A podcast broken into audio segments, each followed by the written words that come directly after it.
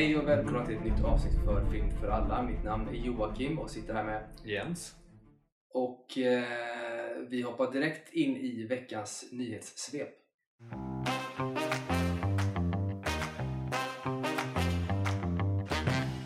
Nyhetssvepet denna veckan kommer, eh, det finns mycket att ta upp egentligen, men vi kommer fokusera eh, på ganska kort nyhetssvep idag. Eh, och ska framförallt prata, lite tröttsamt kanske för många, men vi ska prata DC igen. Mm. I och med att vi har då en ny ledning under eh, James Gunn eh, och Peter Safran eh, som leder det här att få ihop DCs eh, superhjältevärld till att bli någon form av Marvel-konkurrent eh, eller mm, som Marvel har sitt Cinematic Universe helt enkelt. Ehm, och det har ju lett till att det har cancellats en del film, eh, de lägger ner serier, de gör allt möjligt. Eh, och vad mer kan vi säga egentligen har dykt upp nu Jens? Eh, Alltså jag har inte ens så riktigt, jag har ju bara så här, eller såg bara online typ massa, det är ju mest egentligen bara rykten. Det är ju ingenting som har blivit liksom offentligt egentligen. Eh, men det var ju mer att det verkade, eller det som var väl det mest chockartade i det var att det har ju verkat gå åt ett håll efter att man såg då Henry Cavill tillbaka som Superman. Och så gick det rykten om en ny Superman-film och, och annat liksom.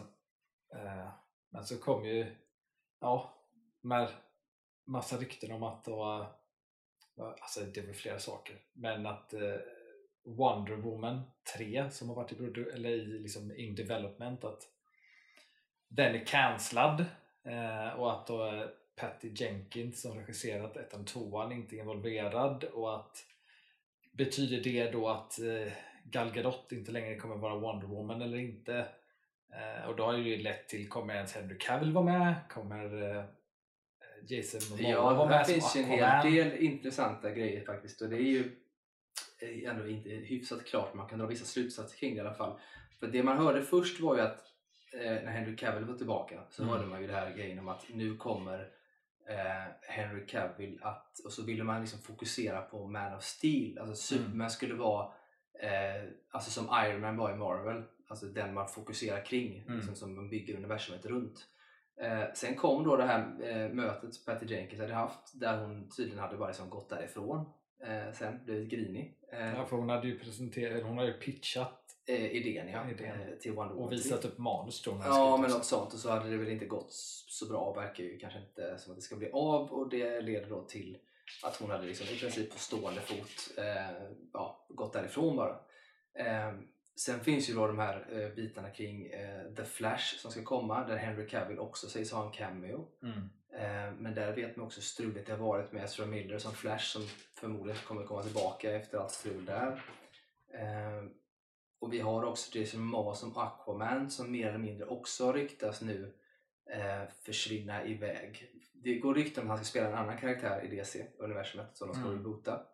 Eh, och det är ingen mindre än Lobo Mm. eh, som han hade passat skitbra till. Ja. Och han själv har ju drömt om att spela Lobo så att man hoppas att det kan bli så. Eh, Men vad det verkar så är det så att Aquaman kommer de ju släppa förmodligen för den är ju gjord. Eh, Även om det kommer dröja ett tag till. Eh, ja, det är ju nästa år någon gång. Ja, men den kommer de ju släppa. Det skulle egentligen komma ut i år. Ja, precis. Men det eh, ändrades om. Ja, och det sägs att det kommer kanske dröja ännu längre. Förhoppningsvis kommer det ut i alla fall. Eller troligtvis det gör det. För det verkar som att både det som MOA inte kommer att vara som Aquaman, Gal Gadot kommer definitivt inte vara som Wonder Woman. Eh, verkar det som eftersom de förmodligen scrappar Wonder Woman. Men det som är, ja, man vet ju inte riktigt alltid vad de kanske vill men hon hade ju Gal Gadot hade ju lagt upp på om det var Twitter eller vad det var eh, att hon ser fram emot framtiden för Wonder Woman alltså kopplat till att, vad hon kan göra med karaktären i samband med allt detta också och det kan ju antingen vara är det att hon fortfarande är involverad eller så är det väl att hon försöker visa att, att liksom hon har fans bakom sig så att att hon liksom betyder mycket för rollen och gör att de vill ha kvar henne typ. Man vet ju Ja, inte. men så är det såklart. Sen är, sen är ju problemet som, som James Gunn och Peter Safran har, framförallt James Gunn kanske, som kanske är det mer kreativa på det sättet, är ju eh, att om man ska göra en sån här satsning, när man ska bygga ett universum kring karaktärer, så är, tar det ju kanske emot, men du kommer ju behöva kill your darlings. Mm. Alltså, även om man tycker att Wonder Woman-filmerna har varit bra, andra är inte så bra. Första är bra, men Även om man tycker att de funkar. Säg att Flash skulle gå skitbra. Eh, alltså om man får ihop de här bitarna eh, så kanske man ändå behöver göra någonting för att ja, börja om på nytt. Det man vill bygga på riktigt så att säga. Och då ryker ju både serier och filmer och sånt nu för man vill ju få ihop serier och filmer som ska höra ihop med varandra. Ehm, precis som man gjort det i, i Marvel. Så att eh, mycket står där och då går ju rykten dessutom om att det kanske var lite väl tidigt att förutsätta att Henry Cavill ska vara tillbaka som Superman för att det verkar inte som att det är en total självklarhet. Men jag tycker att det är så jävla alltså, sjukt egentligen. Alltså, för att alltså, de måste ha haft så himla många interna alltså, bara överenskommelser innan han gjorde den cameon i Black Adam. Eh, vilket tycker, för mig blir det så jävla konstigt. Alltså, jag, jag fattar inte riktigt vad det är liksom för då i, i liksom, när tioårstalen när de pratar om att de ska ha som de liksom då har för det måste de ju liksom pratat om och då måste ju han varit inräknad i den annars hade de inte godkänt den cameo. Nej men det var ju inte, å andra sidan inte de som godkände den. Nej fast de måste varit involverade alltså på något ett eller annat sätt. Alltså sånt här går liksom inte Alltså sådana här beslut går ju inte fort. Alltså det är inte så att man sitter och, och bara ah, men nu är du ansvarig för det här utan det är månader. Ja, eller så kanske det är just det här som har gått för fort. Ja För kanske. det var efter, innan James Gunn de tog över. De har ju börjat titta lite grann på hur ser en plan ut, hur kan vi göra? Och då kommer det eventuellt att behöva reboota Superman, reboota Aquaman, reboota alla de här och, och göra någonting annat av det. Så att just nu från att har gått från att vara självklart till att Henry Cavill ska vara Superman och man skulle fokusera på det och bygga därifrån så har det gått till att det, man har ingen aning längre. Mm. Men Henry Cavill kom ändå ut och sa att han var tillbaka eh, på sin Instagram eller Twitter och det var och när han sa det då var ju James Gunn och Peter Safran redan tillsatta. Mm. Så att då känns det som att de måste ha pratat. Alltså jag har så svårt, speciellt, alltså ja, det är svårt att se att, de, att det skulle vara någon konstig miss där på det sättet. Nej, så kan det vara. Jag tänker fortfarande att i och med att han hade cameo som du sa, i och med att det ändå har varit så tydligt och självklart att Henry Cavill ska tillbaka både för fans och alla gillar honom, alla de bitarna och så känns det lite grann som att han kanske inte ryker. Det kanske är han som får vara kvar snarare av alla andra. Mm. Vilket jag tycker på ett sätt, jag gillar Henry Cavill som Superman och som skådis men jag tänker också att ska man göra en reboot när alla andra ska väck utom honom så tänker jag nästan att det är bättre att ta bort honom med. Alltså, så om man ska vara sån. Men Eller kanske han frodas bättre med eh, andra typ eller andra inkarnationer av karaktärer runt honom. ja, jag tänker kanske att det kan vara så. Ehm, Han kanske funkar bättre med en annan typ av Batman och en annan typ av Jag har, ju, en- ja, jag har ju egentligen ingenting emot Snyderverse-grejen, när Snyder gör det. Så att säga. Eh, så. Men jag tror att förutsättningen till att bygga ett Justice League som är mer av ett Justice League, alltså inte det här riktigt mörka kanske, utan Mm. lite mer eh, alltså att det är lite mer skillnad mellan karaktärerna för nu känns ju alla som att de var lite broodiga och eh, lite humoristiska så det var Mm. ingen tydlighet i Alltså Batman kunde skämta och vara lite så grinig och Aquaman var lite likadan. Alltså alla har den istället försöka kristallisera ut liksom, personligheter istället. Mm. Lite som Marvel gjorde i början. Sen har det där på något sätt matchats ihop så att nästan varenda Marvel-karaktär just nu är li- lite likadan. Men, Mm. men att man försöker hitta väldigt tydliga där. För Batman ska ju verkligen, han ska ju inte ett vara rolig överhuvudtaget. Han ska vara superseriös och eh, ganska mörk i kontrast till typ The Flash och till en ganska seriös Superman men en Superman som också är naivt god Mm.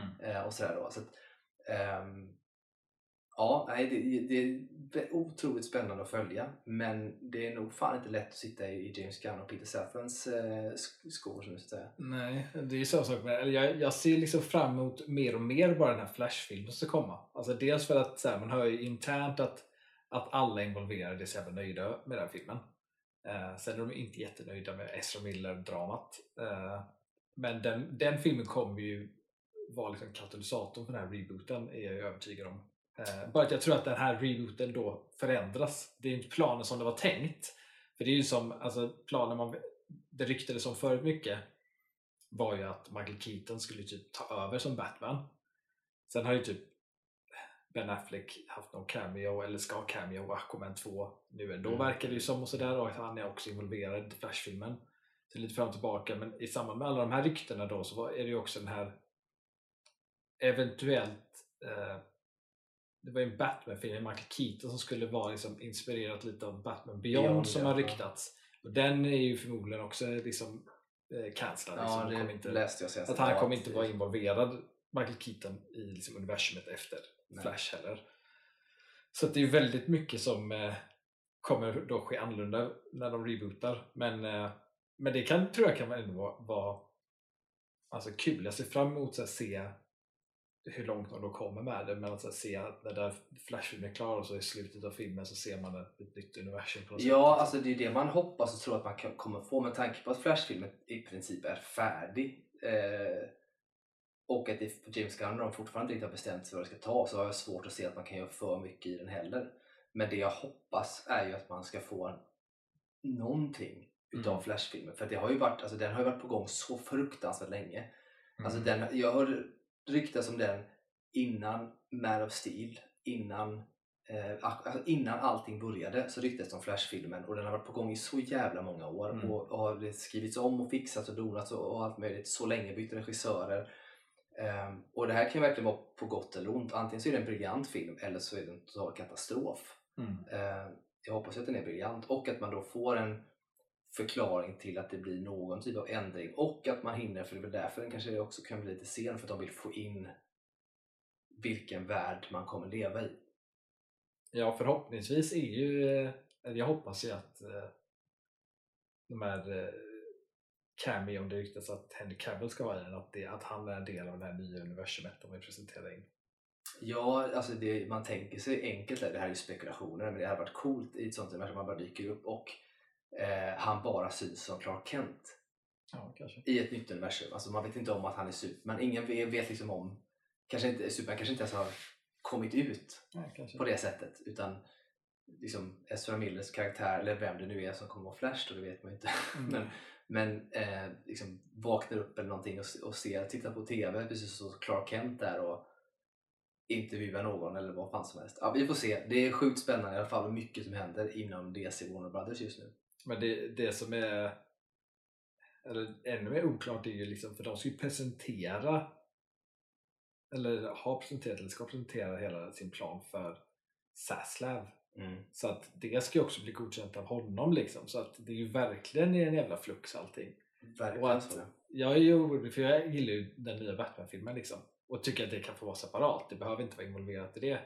Mm. Eh, och det ryktas ju om att, att, att den är säker än så länge. Ja, ja. Men man vet ju aldrig. Det är så jobbiga. Nej, man vet inte, men jag har väldigt svårt att se att den skulle vara osäker med tanke på hur väl den har tagits emot av både kritiker och publik.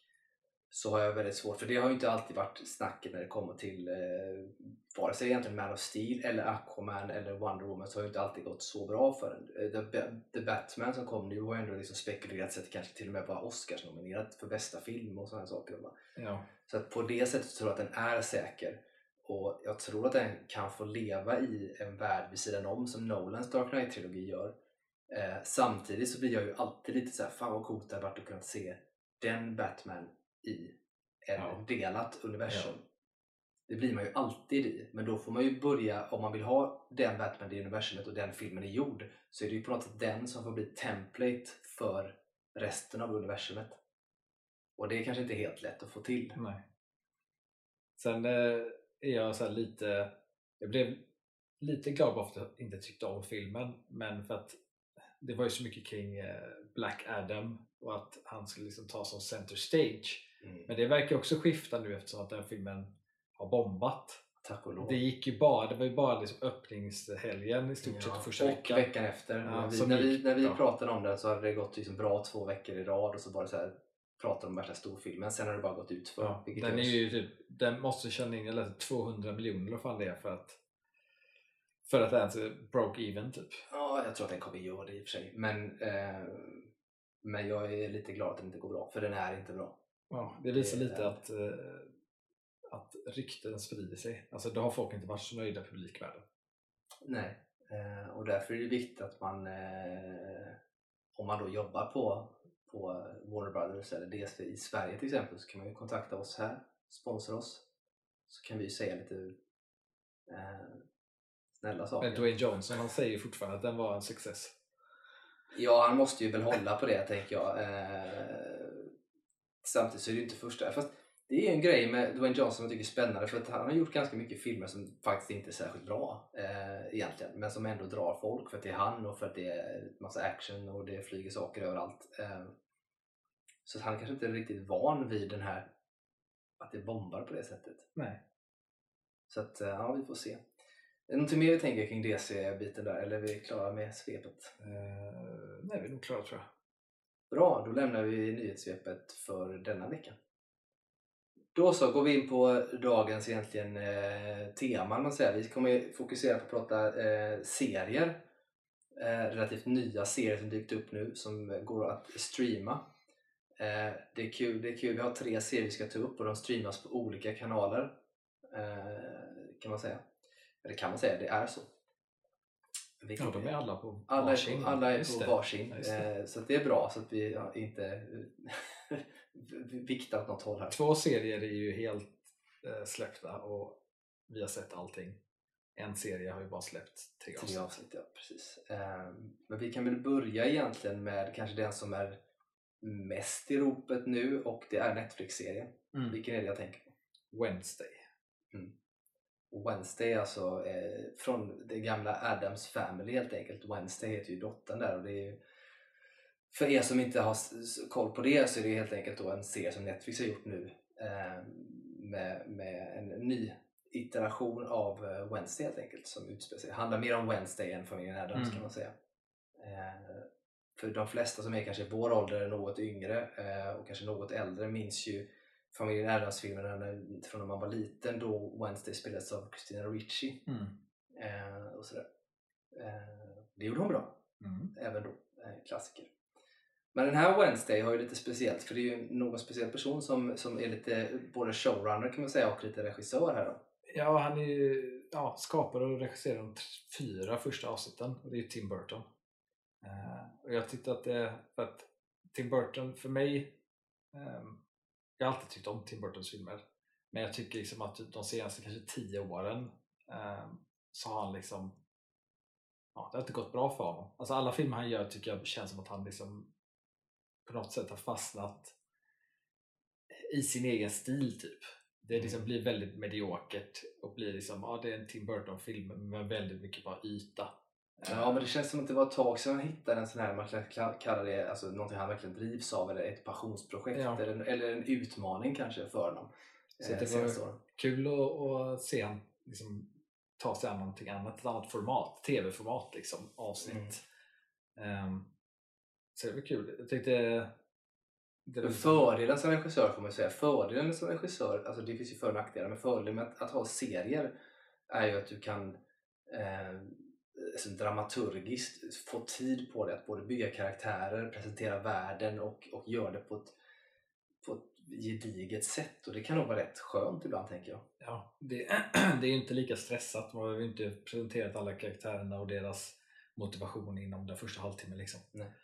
Eh, men jag tyckte att eh, liksom, serien i sin helhet tyckte jag var bra och det jag gillade med den var att den, den känns ju Tim Burton. Alltså, speciellt när de tittar på eh, liksom, kostym och sånt där för att eh, han använder kostymer han brukar använda.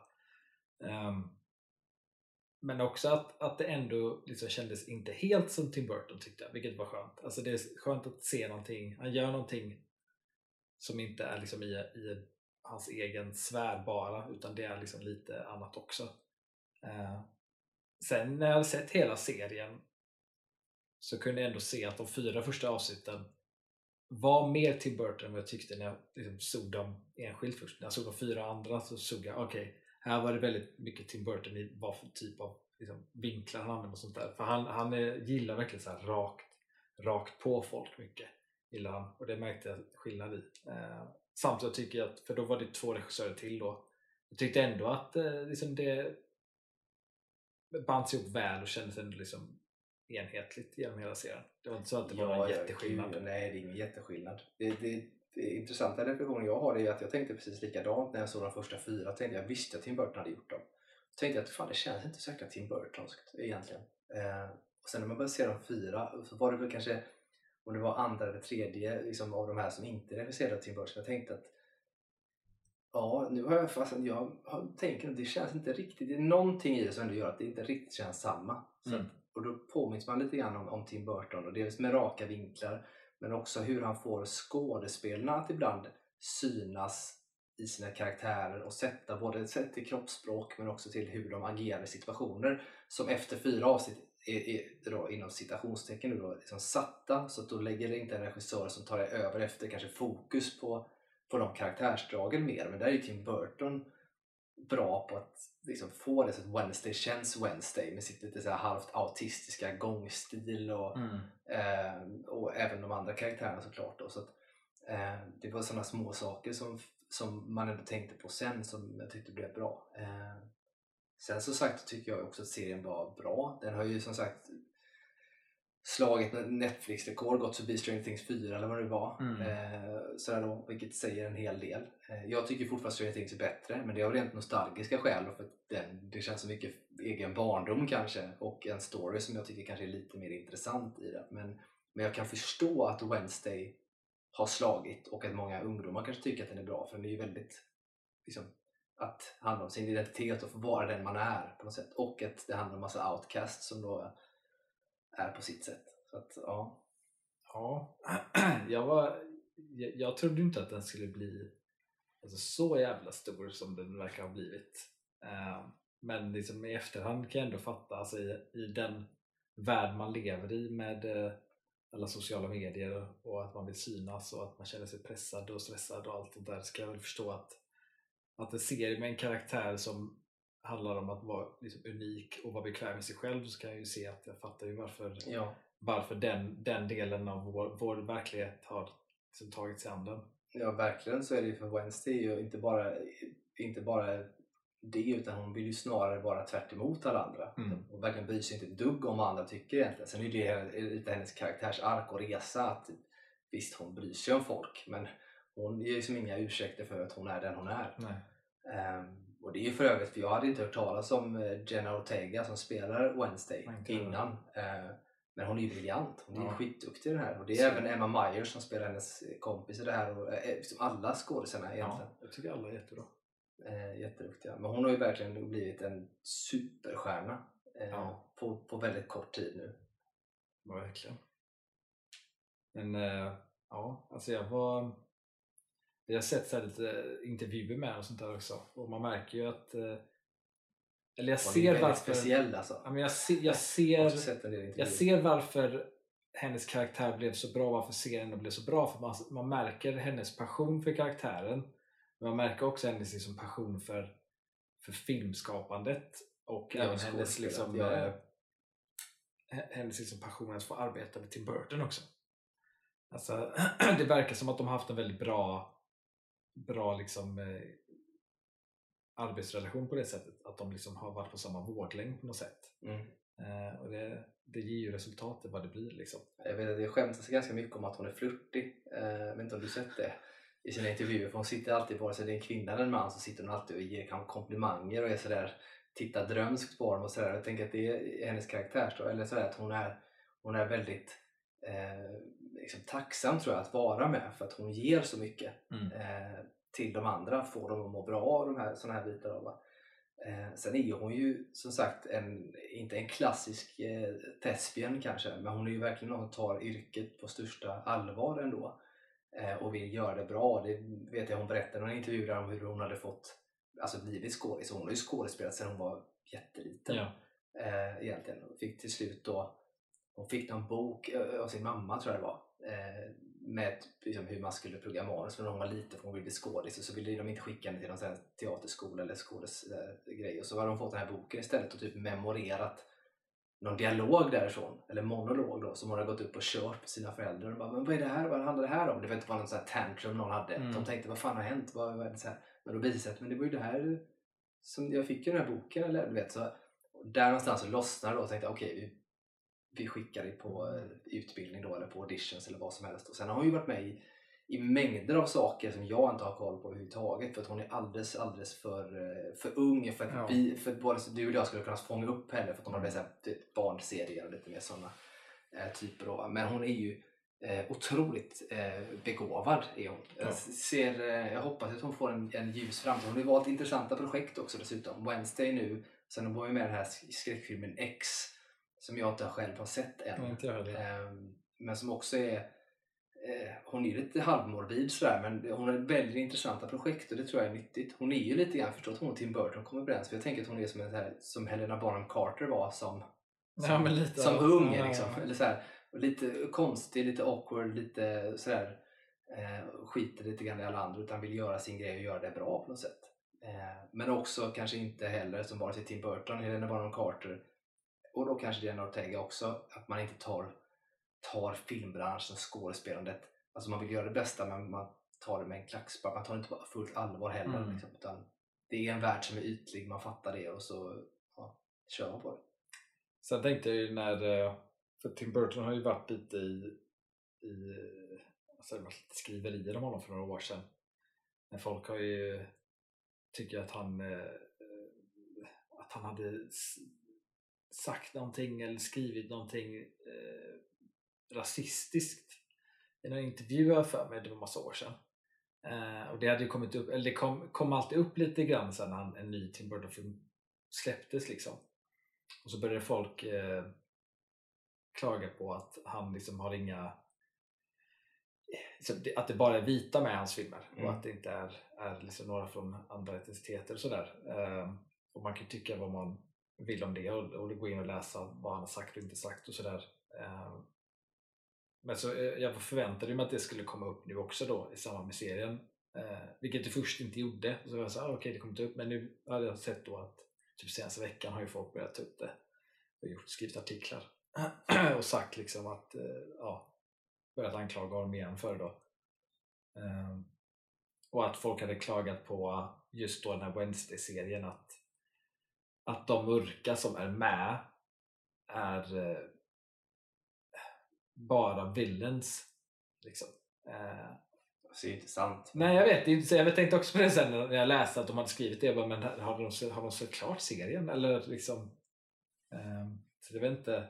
Men ja, jag tycker ja, man ska väl gå in och kolla. Man får väl läsa vad han, vad han har sagt. Det var en intervju. Jag läste det. Där de pratade om, det var i samband med vad jag fattade som eh, allt det här med metoo och det också. Mm. Ehm, och med Black Lives Matter och sånt där. Wo- Woke-rörelsen. Ja, och det var i samband med det och så var det att han hade sagt, det jag tror folk blev upprörda över när folk hade börjat prata om det var att han hade sagt i en intervju eh, och tagit exempel på, och jag tror också med lite mer bakgrund att, att så må, som så många andra regissörer som man hört talas om nu också och andra filmskapare som är väldigt så här, trötta på det här bok-kulturen. Eh, och så hade det varit intervju och i samband med det så hade han nämnt så här att alltså något i lag med att, liksom, att det handlar ju om, om, om vad för typ av berättelse man berättar. Mm. Eh, och att, att han tyckte inte man ska, man ska inte tvinga in eh, en viss typ av eh, liksom person från en viss etnicitet bara för att, utan det ska ju vara rätt karaktär. Eh, och så hade han tagit ett exempel på att han såg när han var liten och såg, jag tror det var The Brady Bunch han sa, nämnde Mm, bara. Och så sa han liksom att han hade ju inte suttit, eller man skulle ju inte sitta och titta på den och så skulle man se, tänka att, att eh, så här, "Åh, nu måste vi få in eh, mörka karaktärer där bara för att. För att det bara är vita med. Alltså, Mm. så här, nu är det ju kanske inte världens bästa exempel eftersom att det är också en, en film från en annan tid. Eller Ja, så serie från är, en annan så, tid. så är det ju, men han försöker exemplifiera lite grann Ja. eh, i det. Jag förstår vad han menar. Samtidigt så, är det ju inte världens bästa exempel kanske. Nej. Nej men, där, men och vi har pratat om det så många gånger. Jag, ju, jag håller ju helt med egentligen i det. Utan, för jag tänker att som regissör eller som manusförfattare någonting, så utgår du ju från dig själv. Ja. Eh, oavsett vem du är egentligen. Är du svart eller är du vit så kommer du utgå från det när du skriver. Vilket innebär att när du ser karaktären och skriver karaktärerna så kommer de vara det du tänker att det är. Eftersom man utgår från sig själv så blir det ofta att det blir rätt mycket kanske vita. Om du är vit och är du svart så blir det kanske svarta det handlar om och så vidare. Och det är inget konstigt med det. Eh, sen finns det ju alltid utrymme att, eh, att alltså man får börja tänka kring det. Jag tror att Tim Burton och många äldre regissörer överhuvudtaget tillhör ju en annan generation. Det är svårt för dem nu.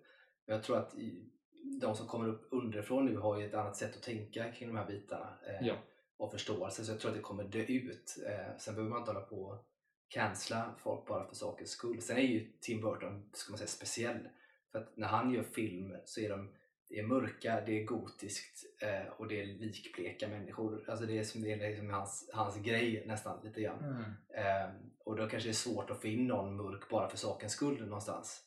Eh, på det sättet. Med det sagt så är det ändå med här. Jag tycker inte det var något konstigt alls med det egentligen. Eh, Sen tror jag också många av de här de lite äldre generationerna av filmskapare, jag tror också att de och där liksom, alltså det är aldrig Martin Scorsese och alla de involverade och det handlar inte bara om eh, om att, att ha med mörka eller inte i, i filmer och serier. Jag tror att det handlar om att de, de tar det nog väldigt hårt, det här bokgrejen också för att jag tror att de tar det som ett hot mot konstnärskapet, att, det här, att, att, att få göra det man vill och att man vill berätta den, den berättelse man vill Mm. utan att någon ska liksom tycka och tänka eh, att man ska liksom ändra bara för att ändra. Liksom. Ja, nej men Eh, precis så så, så de är ser nog det lite som hotfullt mot vad, vad de vill göra. Ja, det är det. Och det fick en intressant politisk koppling till det när vi har vår nya eh, minister för, alltså högskoleminister som vill utreda huruvida det finns eh, cancelkultur och hur mycket den ställt till med på högskolorna nu. Just av det skälet till att forskare skulle eventuellt tryckas ner, att man måste ha ett sätt, visst sätt att tänka och vara så här, så politiskt korrekt Ja. och annars så funkar det inte. Och att det hindrar forskning och framsteg för att man kan inte göra det man vill titta på för att det är inte politiskt korrekt Mm. eller ha en teori som kanske inte är politiskt korrekt. Och det är ju, jag kan förstå det samtidigt som jag tycker att friheten är det viktiga. Om det är du som ska göra någonting så är det upp till dig vad du vill göra med det. Eh, Så det där är ju någonting man får jobba på ändå. Men man behöver inte heller cancella för att en duktig regissör, bra film vill man ju se oavsett egentligen. Eh, Men det finns ju mängder av- regissörer, jag kan ju bara nämna några. Martin Scorsese har ju inte jättemånga mörka heller om man ska vara sån. Mm. Det finns ju med om man ska titta på motsvarande. eh, är ju en. Dennis Villeneuve, samma sak. Om man nu ska prata återigen lite åt det hållet. Som är briljant liksom regissör, som är nutida dessutom på ett annat Mm. sätt kanske. Ehm, du kan ju titta på, alltså Ridley Scott är likadan i princip. Det finns inte så många där heller. Ehm, Spielberg också. Spielberg, även om han har gjort eh, filmer som utspelar sig i typ slav liksom, miljö och sådana saker så, så finns ju ändå där. Men det är ju som sagt väldigt mycket så när man utgår ifrån sig själv och jag tänker mig i världen, världen blir mer blandad, mer mångkulturell och så här och då, då kommer det förhoppningsvis att bli det i film och motsvara det också. Ja. Men det är ju som sagt motsvarigheten till att om du skulle göra en film i framtiden om eh, 1800-talets London till exempel och börja casta eh, eh, både liksom indier och asiater och eh, med afrikanskt ursprung som, som huvudkaraktärer i en sån bit som inte som är, utspelar sig i någon form av högre adel eller vad som helst. Det funkar ju inte rent historiskt. Det, det går ju inte ihop och där får man välja hur man vill göra det på något Mm. sätt. Och ska man göra historiskt så går det ju inte. Eh, samma sak är det, liksom, hur långt ska man ta det? Om man gör en film om andra världskriget och Hitlers rise to power, du ha med en massa svarta som spelar Göring då? Till exempel, eller Hermann Hesse eller, som författaren till exempel. Och så då. så att, det, hur långt ska man ta det? Det är det frågan är hela tiden. Och man, liksom, hela den biten.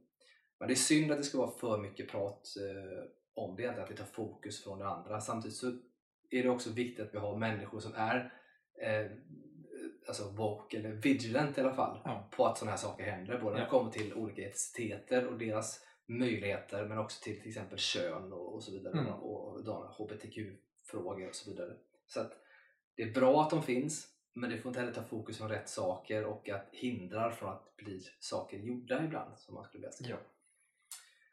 Eh, men det om den, ska släppa Wednesday där Ja, egentligen. Eh, vi ratear inte serier, tänker jag. Nej. För att det är svårt, för att då får man nästan ratea varje avsnitt Ja, för sig. Och det gjorde vi på Game of the Toros Cabinet of Curiosities, men där var ju verkligen standalone Ja, det avsnitt. Och avsnitt det om är små, nästan Ja. som filmer i sig Ja. egentligen. Eh, men då går vi in på nästa då, som vi också sett en helhet av. Som Ja. går, eh, förra Wednesday går på Netflix, den här går på Amazon Prime och heter eh, Peripheral. Ja. Och här har vi då huvudkaraktären spelas av Chloe Grace Moretz. Ja. Och eh, vad handlar den här om? Eh, vad handlar det om? Det handlar om eh, vad är det? snar framtid, typ 2033 tror jag. Ja. Och att eh, då är det om Chloe, då, hennes karaktär, där de bor någonstans i kommer inte ihåg vart i USA det är. Det är inte jättelångt ifrån. Alltså, det är fortfarande grönt och fint och de bor sådär men det är inte jättelångt. Alltså det är söder någonstans. Ja, det är söder. Men eh, det är inte sådär klockrent sådär söder som man tänker sig. Texas-biten utan mer kanske, vad kan det vara? Eh, ja, jag vet inte vad man ska säga att det är någonstans. Jag är osäker faktiskt. Arkansas kanske eller något där. Ja. men eh, så i alla fall hon blir ju då, de spelar ju sådana här eh, VR-spel typ. Ja, Eh. typ som man tänker sig Call of Duty-spel eller så här, som man gör. Fast det här är, eftersom det är framtiden Ja. så spelar de med VR och så är Ja. det super liksom, Ja, verkligt. Då. De Och sätter så, på sig eh, headset. har hon sin bror och så eh, Som är gammal militär. Ja, så får han, eh, ja, han, får, han får det skickat till sig en ny, en ny, ett nytt typ av spel. Eh, och eftersom hans eh, syster då är eh, mycket bättre på spel så ska hon göra det. Eh, och när hon då eh, börjar spela detta så inser hon ju då att det inte är ett spel utan att hon, eh, hennes medvetande skickas in i framtiden till en eh, kropp som är byggd där. Eh, En peripheral. Ja, det är så de kallas ja. Och sen händer, alltså det är massa saker som händer. Alltså, Ja. Det är ju en sci-fi serie så det är lite flummigt egentligen. Ja, baserad på en bok av William Gibson ska man säga också. Som jag läste, jag läste att serien är väldigt olik boken. Det kan jag tänka mig. För jag, tror, jag läste om William Gibson när jag var väldigt ung. Eh, tror inte att det var den, här dock, men det var en annan som också är sådär att det är det är vår värld fast det är, finns någon parallellvärld och lite science fiction lite och sådär. Det, han är, han är väldigt, det är väldigt mycket tekniskt i den och sånt där så jag tror att det är nog svårt att göra serie eller film överhuvudtaget på en sån typ av bok för att det är för mycket. Så Som, jag tror också att den boken, Peripheral, är baserad på vad kom ut 84 och sånt där också. Ja, alltså, Så jag kan tänka mig att mycket just kring teknikdelen är nog anpassat till idag. Säkert, säkert så. Eh, men den är i alla fall en serie då, och det är ju som sagt lite komplikationer då för att de här eh, hon är ju eh, det handlar ju om hon är huvudkaraktär men sen är det både hennes brorsa och hans militärvänner sen som blir involverade i detta eh, också med såklart. Och sen så byggs det liksom vidare med flera karaktärer för de bor i en jävla liten håla alltså. Deras stad som Ja. bor är ju pytteliten egentligen. Men mer eller mindre alla som är någon form av profil i stan på något sätt blir involverade i hela den här historien. Mm. Motvilligt och villigt och både de som vet om hur det är och inte vet om hur det är helt enkelt. Men sen är det ju för att de säger så här, det är inte tidsresor säger de, ut- för det, att, men de säger att det är dataöverföring. Eh, så de går ju runt tidsresor det sättet. Men så som det funkar i den serien är ju att framtiden vi ser är ju inte hennes framtid. Eftersom att eh, de förklarar det som att när de då, om man sa, framtiden är, det är typ 20, vad är det, Två- Ja, det är 70, 21, 2099 sånt där. Ja, men, eller 77, ja, 70, ja, nå, det är något sånt där.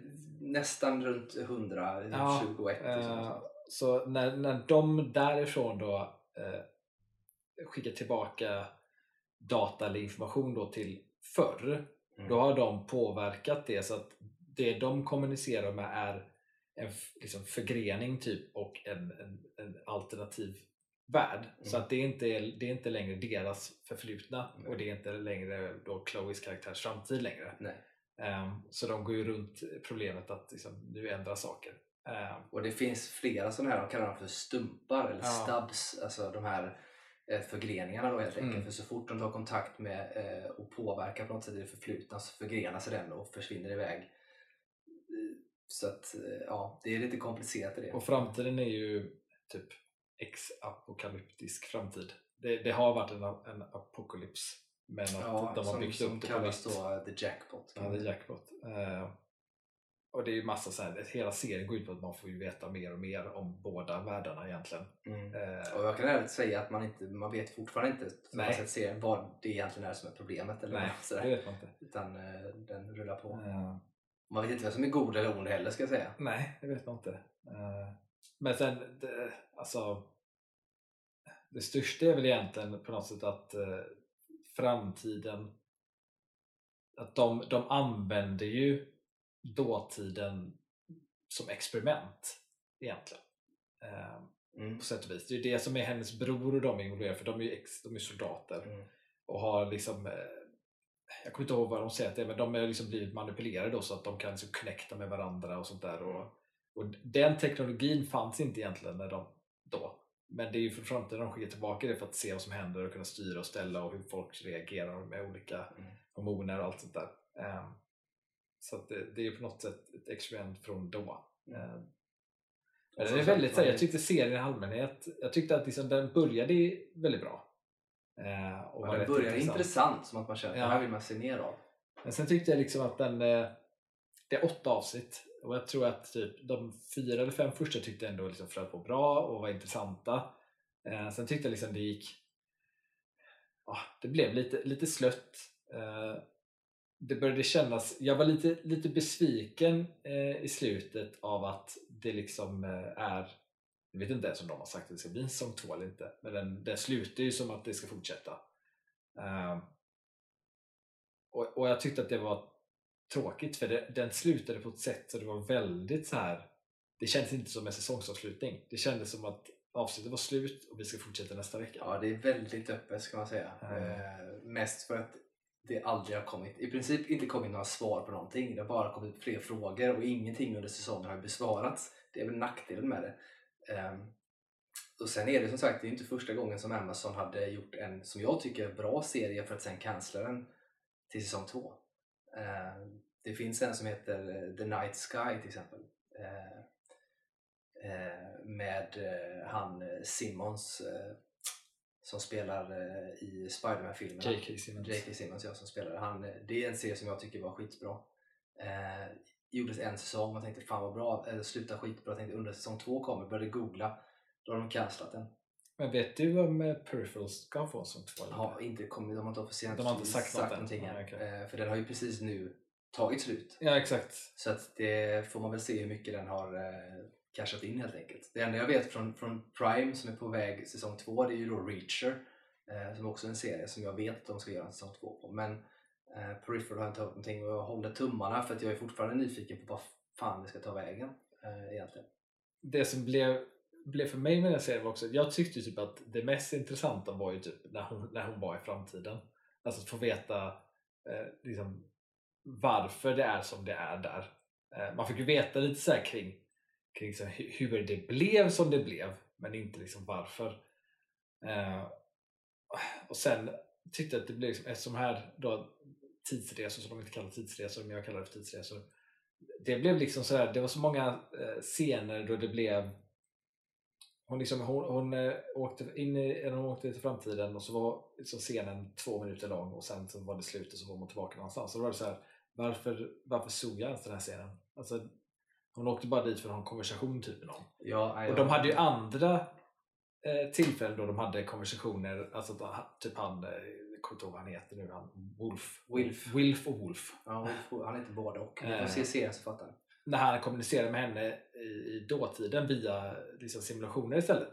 Och då var jag så här, varför inte bara göra det? Alltså, för då slipper man hela tiden, så för varje gång hon åker in i framtiden så vill jag ju veta mer. Men så blev det så många småscener då hon åkte dit och vi inte fick veta någonting mer. Nej, och det tyckte jag blev, det blev lite tråkigt. Ja, det blev väldigt många gånger hon åkte dit och så är det typ en dialog på typ en, två minuter och sen så stänger de ner henne och så åker hon tillbaka till vanlig tid. Eh, det hade man kunnat lösa på ett snyggare sätt. Eh, samtidigt som att man kanske vill visa hur att det är så enkelt liksom, på något sätt att göra det. Såg du, jag, vet inte, jag visste inte om, vet du om alla avsnitt hade eftertextscener? För att Nej. sista avsnittet hade det. Nej, Såg du den? Ja, jag såg den. Efter, efter många om men för det var en ren tillfällighet att jag lät det stå på. Ja, det var samma med mig. Det, jag lät det stå Eftersom på. jag skulle gå och göra, typ, göra en kopp te eller vad fasen nu skulle göra så, så lät jag stå på eh, så länge och så fick jag, jag plötsligt hörde att fan de pratar ju. Fick jag springa dit och titta vad fan det var. Eh, var ju också intressant. Men För den scenen var ju väldigt så här ännu mer så här. Det här är vad vi kommer göra i säsong två. Ja Alltså, precis, för de introducerar ju lite mer kring alltså, vilka som finns i bakgrunden Ja. egentligen av allt det här. För att det finns ju, vad jag förstår så finns två stora sidor mot varandra i alla fall. Eventuellt fler. Men man vet ingenting om dem. Ehm, och sådär. Ehm, Sen fattar inte jag riktigt slutet. För att så som de gör där för att typ rädda ja, stan. Ja. Spoiler alert. men- Ja, spoiler, det går inte ihop för att de gör ju bara en ny stab. Ja, jag, Så det är ju inte dem. Eh, hängde inte riktigt heller med på det ska jag säga. Eh, för jag fattar inte riktigt hur hon ja, Men hon ska säger till och med det till sin kompis. Ja, Alltså, men eh, för jag fattar inte heller riktigt. Man kanske får en förklaring på det. Men det, det är inte helt lätt att förstå. och det är samma det. sak när hon, när hon vaknar upp där i, i den här kroppen eller vad det är i slutet där också. Så är det så här, men då, är, är det hon? Eller är det en, en, en ny hon? Eller har Jag- de liksom lyckats rädda? För om det inte är hon, då har hon inte informationen längre. Så Nej. då har vi, motivationen. jag ska inte spåra för mycket. Det är så konstigt. Vi får prata om detta off podd kanske för att jag fattar inte heller. Men, men det, det ska man säga med Det är en bra serie, den är intressant och driver framåt. Jag håller med om de första avsnitten. Jag tycker framförallt kanske de första tre avsnitten är bra. Men det är också då som det känns som att i produktionen, både när det kommer till regi, regi och även produktionen i sig, lägger mer kraft på det på något sätt. Dels handlar det om introduktion av karaktärerna men det är också typ att man filmar på ett visst sätt. Man använder sig av, av städer som, som till viss del som karaktärer för att, att sätta en känsla och miljö. Det är mer liksom, dialoger, med liksom, close-up dialoger och mer vettigt och det känns som, mer som en film i tyngd Mm. i de tre första avsnitten. Sen blir det från, från avsnitt fyra och framåt så blir det egentligen mer som att från att ha gått till att kännas som en högproduktions med high production value så går det mer till att kännas som ja, men det här är någon sån här modern Stargate Atlantis eh, Mm. liksom, kvalitet på det. Inte för att det är dålig kvalitet men det känns som att de tappar eh, fokuset och innovationen eller på något sätt. Så jag tycker att de första tre avsnitten är bra och sen tycker jag nog bara för att eh, det händer så mycket. Jag tycker att det sista avsnittet är bra också. Eh, egentligen. Mm. Resterande avsnitt där mellan liksom, från alltså, fyra till sju då är väl sådär nej, nah, Där hade man kunnat liksom man hade kunnat korta ner det här i så fall och göra sex avsnitt. Så hade man kanske haft högre kvalitet totalt. Ja, alltså det blir, det blir lite det blir lite så här dålig fram, framåtrörelse typ. Och att eh, istället för att knyta ihop, för att det presenteras en så jävla massa olika eh, liksom storylines under de första avsnitten som liksom inte det så knyts inte ihop utan det är nästan mer som att det bara kapas av. Eh, och liksom har inte, det är typ ett, ett, hot som kommer som inte är ett hot. Eh, eller flera gånger det är hot som inte blir hot. Eh, och hela mamma-grejen. Liksom så här, den motivationen försvinner ju också. Ja, sen finns det som sagt vissa karaktärer eh, som inte kanske hör till huvudskådespelare som är ganska intressanta i sig. är ju också lite så här stillestående under ganska många avsnitt. Det händer, man förstår att det är någonting och sen så är det, och det är det som är problemet med att det sista avsnittet händer ganska mycket kring alla de här karaktärerna. Eh, från egentligen ingenstans. Man har byggt upp dem lite så man förstår Ja. deras motivation. Ja. Men antingen hade man kunnat korta ner till sex avsnitt och skita i de karaktärerna och fokusera på de andra. Alternativt bygga ut till 12 avsnitt och fördjupa sig dem. Ja, det var verkligen, jag tyckte verkligen, jag tyckte också att åt, åt, av, av liksom sista åttonde avsnittet var bra. Men det var också att det kändes, det kändes verkligen som ett avsnitt som var så här build-up till för att den slutar typ så här, om, man, om man tittar på liksom dramaturgin så man har en sån här man kallar det för point of no return eh, och det kändes som att hela avsnitt 8 var en point of no return Ja, verkligen. eh, och sen slutar det där eh, och det, man får ingen resolution egentligen Eh, och då var det så här, aha, okej det var därför jag var så jag var tvungen att gå in igen och kolla på IMDb är det bara åtta avsnitt? och så var det bara, ja det är åtta, jag bara, fan det känns som verkligen så att det ska vara ett avsnitt nio Ja, väldigt mycket. Eh, för nu som sagt, om man gör en säsong två så får man förhoppningsvis veta mer. Och det kan ju hända. Så här kan det ju vara. Säg att det här är en serie som skulle leva vidare i så som de har tänkt sig att det skulle vara fem säsonger totalt. Så kanske det är så att det kommer bli skitbra totalt sett. Så det Mm. vet man aldrig efter en säsong. Det är därför det är synd att de ofta lägger ner den. För den här är ändå sevärd. Och man Ja. skulle kunna tänka sig att se säsong två och fortsätta på det. Men då gäller det också att det är vettigt så att säga. För att skulle man fortsätta göra säsong två på samma sätt som man gjorde ettan i samma tempo och på samma sätt och att det liksom inte kommer fram eh, då kommer man tappa intresse. Ja, men det är lite ovanligt att även om man planerar för säsong två så är det lite så här, den var ovanlig på det sättet för nästan alltid så brukar man en Försöker serie brukar alltid vara att man knyter ihop det lite grann så att man Ja. ändå har liksom en, en ark genom hela serien men den här var väldigt så här vi lämnade det helt öppet. Ehm, ja, jag vet inte. Och jag vet inte riktigt den här boken, menar, det är ju baserat på en bok. Jag vet inte hur mycket de kan göra utifrån en bok egentligen heller. Ehm, men jag tyckte det var liksom en, en, en bra serie Eh, gillar man sci-fi så tror jag att man kommer gilla den mer än om man inte tycker om sci-fi. Eh, för det är väldigt mycket sci-fi grejer. Eh, gillar, Ja, man, är- gillar man tidsresor så kommer man gilla den också tror jag. Sånt är alltid kul. Och de ändå, de, man- sitter liksom inte och stör sig på det eftersom att de löser ju tidsresegrejer genom att säga att det är andra förgreningar och att det inte är ens egen dåtid längre. Det finns ju ing- nej, alltså så sett, det finns ju alltid i, i tidsfilmer överhuvudtaget som handlar om det så finns ju alltid, det, det är svårt att inte ha plot holes. Alltså Ja. det, är- det är skitsvårt. Även i sådana klassiker som, även om den brukar vara känd för att vara rätt bra, alltså Back to the Future alltså, så brukar den ändå vara så, den har sina problem. Ja. Eh, så, vilket alla har. Men här löser de det rätt väl. Det är ingenting som man har svårt att köpa utan man fattar. Liksom. Eh, så den är sevärd. Gillar man science fiction och gillar man lite så här, eh, mystik och science fiction som Mm. ska gå ihop på lite gåtor och sånt där så kan man ju absolut tycka att den är bra. Men den, det som jag slogs, eh, ska jag säga innan vi, innan vi släpper den här Mm. för vi prata om det mer. Men det, det jag kan säga lite grann att jag såg de första kanske, jag såg det varje avsnitt det kom ut varje vecka. Eh, och sen tog jag ett uppehåll och så såg jag typ början på avsnitt sju och sen så såg jag inte nu då förrän lite i efterhand nu då det är nästan två veckor efter eller en vecka efter som jag. Alltså jag såg det kanske inte på två veckor, två, Mm. tre veckor de sista avsnitten. Och då slogs jag av att alltså jag, kommer, alltså jag, min, alltså jag minns inte, jag kommer inte, när de pratar om olika typer av du vet, RIs och de olika förkortningarna av vilka som är vilka, neoprims och allt sånt där. Så var jag så här, vad fan var det nu igen? Så min rekommendation är ju att antingen binge-kolla eller kolla i hyfsat tät följd för att ser man inte det för, eh, ser man det med för lång väntetid mellan så kommer man fan ha glömt mycket saker och inte hänga med riktigt tänker jag. Ja, för att det, jag såg ju den, jag bingeade ju den och såg den. och jag var lite förvånad över att den faktiskt släpptes vecka till vecka. För att eh, jag tror, hade, hade jag inte bingeat den så tror jag att jag hade tappat intresset. Faktiskt. Jag tror att jag hade nog inte... Jo men lite så är det för jag upplever också att när man gör det så blir det så att det är så mycket saker som jag hänger inte med på vad de pratar om. Ja men, det är, ja men det är väldigt mycket sådana tekniska termer de har, alltså som de påhittade termer. Som neoprims och allt det där och peripherals och sånt som jag tror att, att det finns, det är nog en ganska stor risk att man från vecka till vecka inte riktigt har det i huvudet. Gud ja. Och då är det inte lika enkelt att hänga med i det. Så är det. Sen har de en sån här last episode on, alltså så att man gör en liten recap. Problemet är att de recapsen går ju inte in på, Nej, de är jättekorta. på detaljer Nej. liksom i vad, vilka är vilka och sånt där, utan det är ganska kort sammandrag bara. Så att det, det, kan vara, det kan vara värt att försöka se dem hyfsat tätt in på Ja. varandra så kan jag säga. Det är väldigt få serier jag brukar säga det om. Jag föredrar i och för sig bingea allt egentligen men, eh, men här, var, här är det lite halvsvårt till och med för mig att hänga med. Så att eh, serien är svep. Men bra, vi släpper Peripheral Yes. eh, som sagt.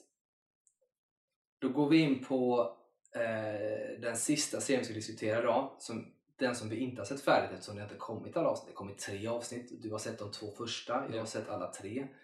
Eh, och den här går då inte på Netflix eller på Amazon Prime utan går på Disney+. Plus Yes. och är en det är inte ens en reboot, det är en sequel-serie till en, en kultfilm. Mm. Eh, en film som jag vet att både du och jag eh, rent emotionellt och sådär älskar. Mm. Eh, nostalgiska skäl, men som när jag tittar på den idag egentligen är ganska kass. Eh, eller väldigt kass ska jag säga. Men den har en kultstatus och har mycket att eh, hämta av. Eh, vilken serie är det vi ska prata om?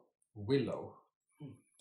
Willow gjordes ju, det är ju herrans många år sedan, eh, när Ron Howard regisserade. Mm. Eh, George Lucas var det ju som eh, i princip skrev manus och skulle fixa detta då, eh, Mm. eller kom på den här världen.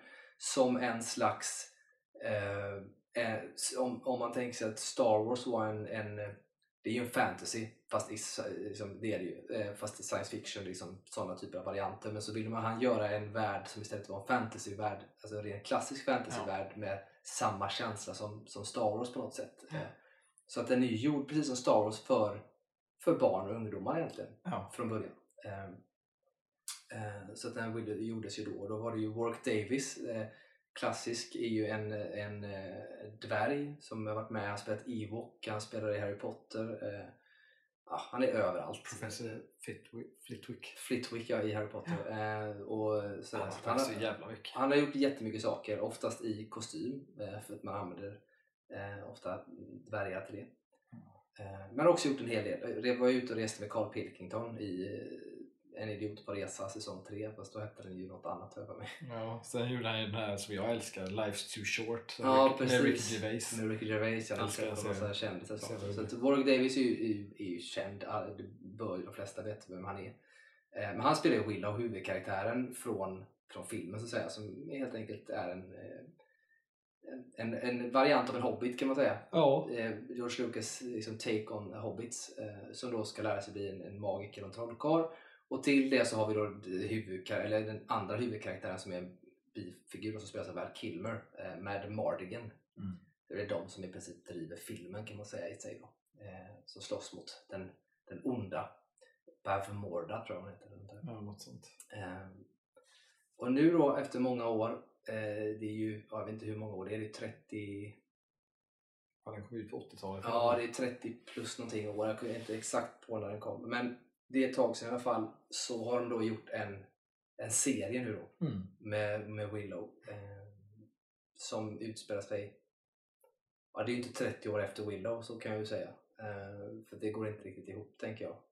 Eller går gör det, men det är lite svårt tänkt i alla fall. Men, men eh, Ja, om man utgår från eh, bebisen i Willow-filmen så bör det ju vara typ max 25 år. ja, något sånt Ja. ska jag säga. Alltså mellan 20 och 25. kanske.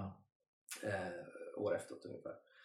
Eh, och då helt enkelt, som vi inte kan ratea hela serien, prata om hela serien, så kan vi i alla fall prata om hur vi tycker att den har börjat. Så vad är, vad är dina liksom, tankar kring den här, re, re, inte rebooten, men sequel-varianten av Willow? Jag tyckte att den var bra. Alltså, det var kul att liksom återvända till det universumet. Eh, kul att liksom se ska säga, så nya, nya saker som händer i den. Eh, och liksom få på något sätt de gör det bra för man liksom blir återtransporterad till det universumet men det känns ändå nytt. Liksom. Mm. Eh, och liksom kul att se alltså jag har bara sett två avsnitt men jag ser fram emot att liksom se hela serien och få följa och se vart de här karaktärerna tar vägen. Liksom. Eh, jag tyckte det var en skön ton på, på serien. Liksom, att den, den, eh, den, den, den, den hade samma ton som liksom jag har i minnet av Willow. Att den liksom, det är fantasy med glimten i ögat. Eh, det finns seriösa undertoner men det är också liksom, den tar sig inte själv på för stort allvar. Eh, rätt klassisk liksom, i sin uppbyggnad och speciellt med karaktärer. Eh, man känner igen arketyper liksom. Och, sånt är kul. Det är kul att se sådana saker som är speciellt när det är fantasy, alltså som, som känns klassisk fantasy. Mm. Precis så. Nej, för den är ju verkligen det som man kan slås över när man ser den, tycker jag i alla fall, är hur fort man känner, dels känner igen sig i den eh, från den förra, men också hur, som du säger, väldigt mycket klassisk fantasy det känns. Alltså, har man eh, vuxit upp på 80-90-talet kanske och spelat rollspel, så här klassiska Drakar och Demoner, Dungeons and Dragons och eh, lite åt det hållet. Även om det är klart att det finns en mörkare del av det. Men det, det, det känns som så här klassiskt som man upplevde fantasy när man var liten på ett annat sätt. Den är ganska, på många sätt, mer sagolik Mm. än, än mörk fantasy. Eh, det är lite så här klassiskt George Lucas sitter och har lite mer åt det hållet. Eh, vilket gör att jag tyckte den var liksom ganska mysig direkt på det sättet. Den var ju härlig. Eh, och sen är det de karaktärer man följer för då är det ju då eh, Mad Mardigans eh, barn Mm. som man har tillsammans med då, eh, hon karaktären från Willow, Sorsha tror jag hon heter, eh, drottningen där. Eh, som helt enkelt, ja, ska inte säga för mycket för den är inte klar än, men det, det händer liksom saker så att de blir tvungna att ge sig iväg på en sån klassisk fantasy roadtrip. Liksom. Ja, exakt. De behöver ge sig iväg och det är ju på ett sätt det ultimata sättet att bygga upp fantasy på. När man Ja. är tvungen att ta sig. För du kan visa upp så många olika delar av en värld och bygga upp på det sättet. Så det är tacksamt att göra Om man ska hitta trollkarlen. Precis. En Obi-Wan eller en Gandalf. Ja. Eh, så det är väldigt klassiskt på det. Sen vet jag att jag fick eh, lite kritik från så här troll på nätet. Efter jag såg de första två så var jag tvungen att gå in och läsa lite grann om det, de skådisarna och sånt som jag brukar göra. Eh, och då såg jag att de hade rate på IMDB och allt möjligt och sen var det andra som skrivit artiklar om att mer eller mindre typ avskydde den för det var inte alls liksom Willow och det var de kritiserade för att det var så HBTQ-personer med i den och, och jag blev så trött så jag fick ju skriva en, jag gjorde en, en egen review på IMDB som var, jag satte typ 10 poäng högsta rating och skrev bara skitbra om den bara för att trolla tillbaka. För så jävla bra kanske den inte är. Men eh, jag blev så trött på när folk tänker, för det finns ingenting i de här HBTQ-personligheterna som säger att det inte skulle ha kunnat finnas eller vara så. Det, det är som bullshit. Mm. Eh, jag, jag brukar ändå ganska stor förståelse för att man kan tycka saker bryter in mot eh, någon trolig typ historia. Man ska titta på att en, en svart person skulle spela Göring i en, eh, i en film om andra världskriget. Vilket kan göras i och för sig med glimten i ögat på ett ganska intressant sätt. Men sett om man ska hålla det historiskt korrekt så blir det kanske svårt att göra det. Så, men här finns det finns ingenting sånt. Du kan inte skylla på det. Det finns ingenting som säger att det inte kan vara homosexuella eller bisexuella eller transpersoner eller eh, svarta eller asiater. Alla Mm. kan vara med. Det finns ingenting som säger detta. Eh, så de snackar så jävla mycket skit i det så att jag blev så trött. Eh, men det är inte det som är intressant. Sen är karaktärerna tycker jag är ganska intressanta liksom, överlag ändå. De är klassiska, de har, du sa arketyper på många sätt och de gör det rätt skickligt med att Mad Mardigans och Sources barn då speglar egentligen båda de två karaktärerna Mm. eh, i, i, i sig själva. De har gjort dem, skapat dem så att de är verkligen lika sin mamma respektive sin pappa Mm. eh, på olika sätt, vilket jag tycker var jävligt bra. Eh, och sen när, då när Willow väl, väl liksom dyker upp och är med där så är han ju precis som han var innan. Det vill säga att för i Willow så är han ju inte världens lyck, mest lyckade trollkarl, eller Mm. sådär egentligen. Eh, och lite samma sak är det ju här, Mm. än så länge i alla fall. Att, liksom, han är ju inte klockren sådär som en Gandalf eller som en Obi-Wan. Att han kan massa och, och sådär.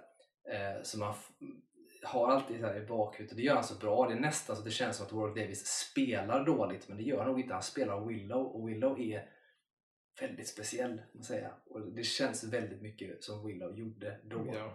Vilket jag tycker de får ihop så jävla bra. Mm. Eh, och så har vi lite andra då, nya karaktärer som är med där. Och, så. Så att jag tycker att den, den börjat skitbra. Jag tycker att den har varit supermysig i alla avsnitt. Avsnitt tre är ju kanske eh, inte jättemysigt. Avsnitt tre är väl... Eh, jag vet inte om det är...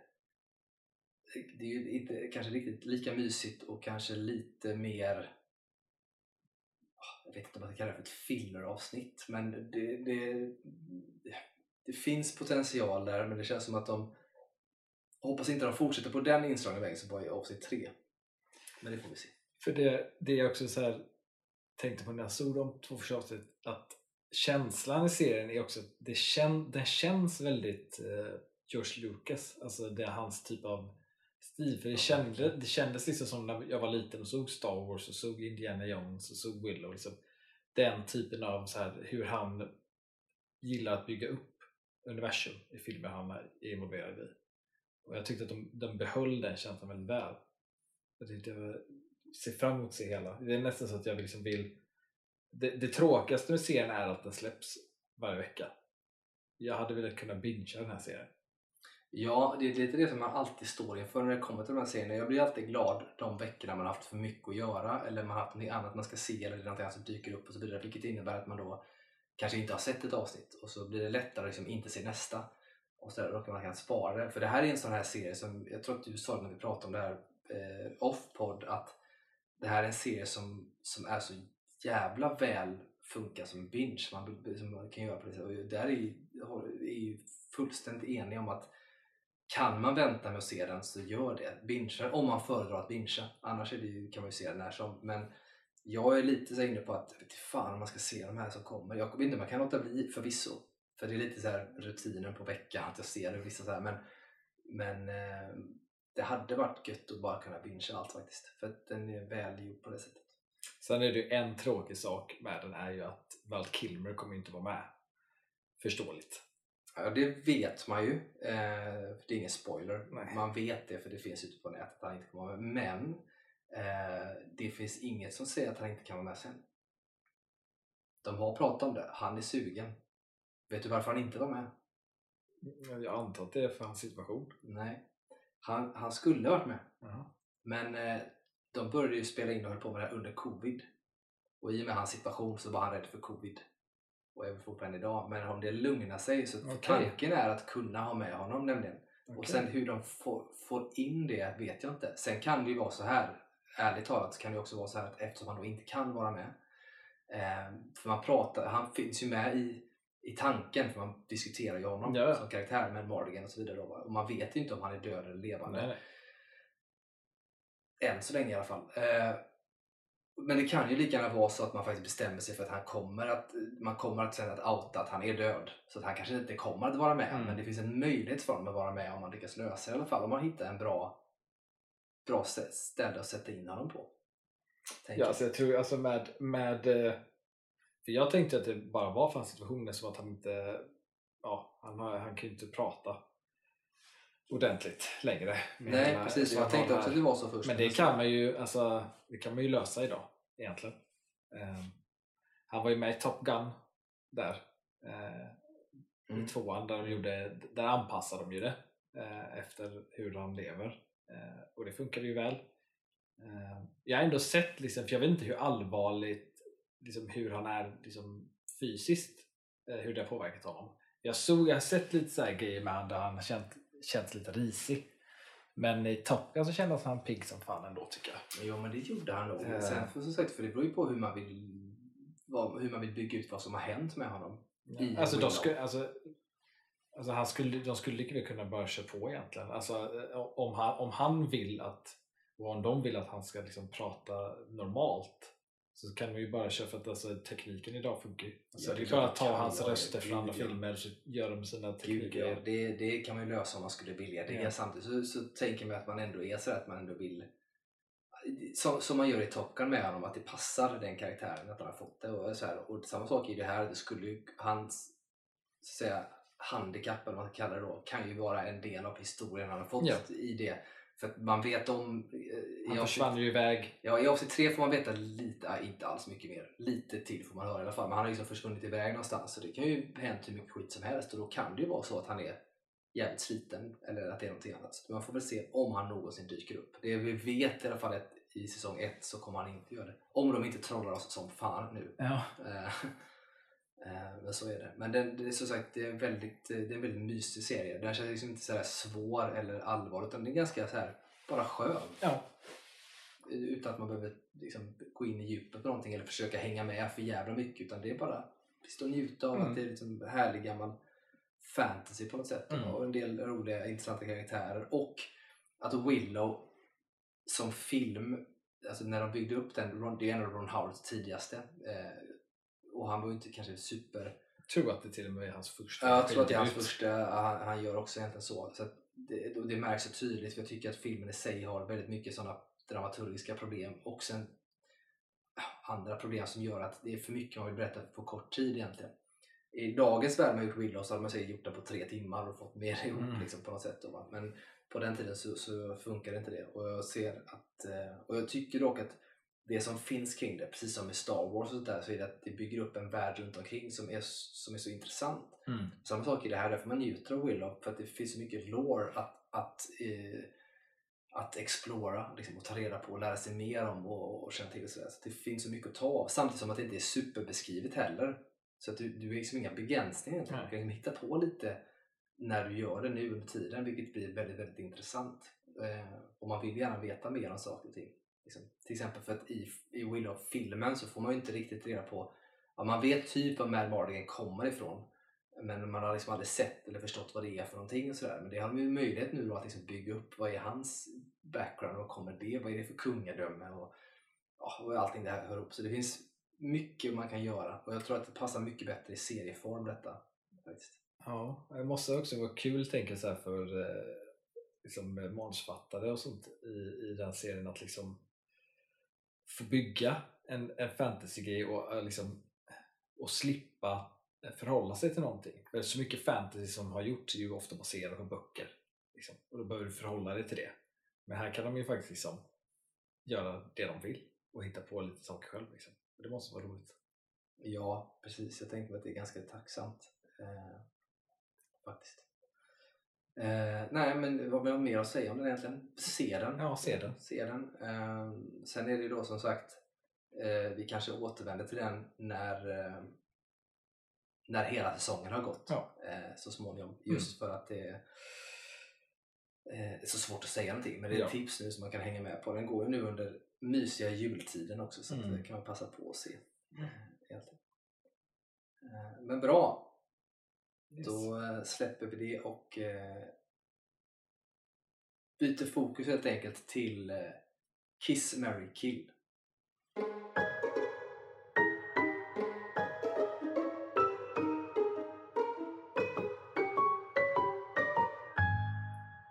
Då så, Kiss, Mary Kill denna veckan kommer att fokusera på skådespelare. De tre som vi har tagit fram den här gången är nummer ett, Cuba Gooding Jr.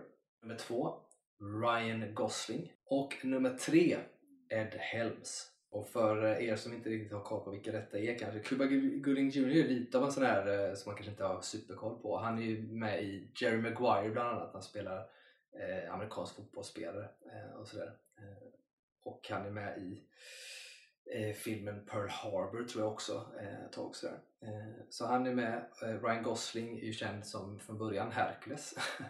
Men eh, La La Land eh, Jag glömmer alltid av att han spelade Ja, jag vet. Det är så sjukt, man tänker knappt på det. Men La La Land är han ju med i eh, och även då i Blade Runner 2049. Eh, och en mängd olika saker som han gör nu. Han är ganska stor numera. Och Ed Helms då, eh, känd från eh, The Office bland annat. Han spelar Andy Bernard och även Baksmällan-filmerna då där han spelar den här Mm. stackars eh, tandläkaren eh, som eh, är den som har en hemsk fru i första filmen. Mm. Så det är de tre. Då börjar vi Kiss, Mary Kill Jens. Vad säger du? Det är väl lite svårt ändå. Alla tre är ju... Alla tre är bra. Ja, Ja. Eh. Vem vill du gifta dig med? Vem vill du kyssa? Vem skulle du döda? Liksom? jag tror att jag... eh, Så hade jag gått på utseende bara så hade jag gift mig med Ryan Gosling. Eh, Men jag tror att jag hade... Jag, jag Mary Ed Helms tror jag. Mm. För det hade bara varit... Det känns... Det känns som att det är kul Det är kul. och roligt. Det var lite mysigt. Liksom. Ja. Eh, och så kör jag Kiss Ryan Gosling. Eh, och sen tror jag att då blir det kill på Gooding Jr bara för att han hamnar egentligen ingen anledning alls. Mer än att de två andra blir Mary och Kiss egentligen. Eh, Han blir över. Liksom. ja. Jag hade kunnat lika väl byta ut Ryan Gosling och Ed alltså mot varandra egentligen för Ryan Gosling. Alltså en film som jag tycker är rätt underskattad med honom är ju där han också visar liksom sin, eh, sin komiska sida.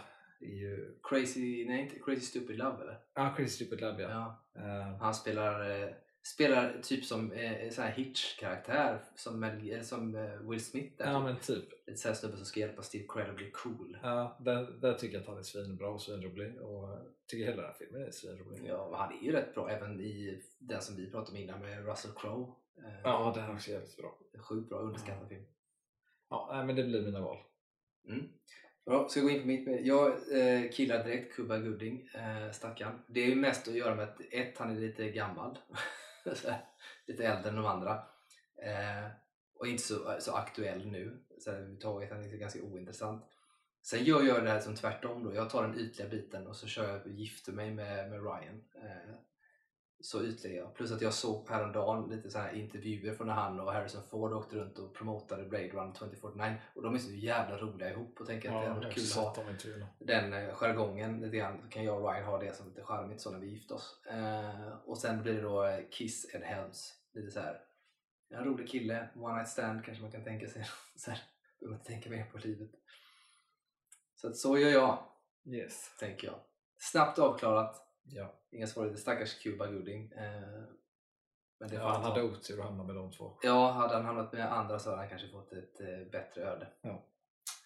Men bra, eh, då tackar vi egentligen för detta eh, denna gången Ja. så hörs vi igen eh, nästa vecka och då blir det ett eh, julavsnitt. Mm. Så att tune in då så ska vi bara mata er med jul, jul och åter jul. Ha det fint! Ha det bra.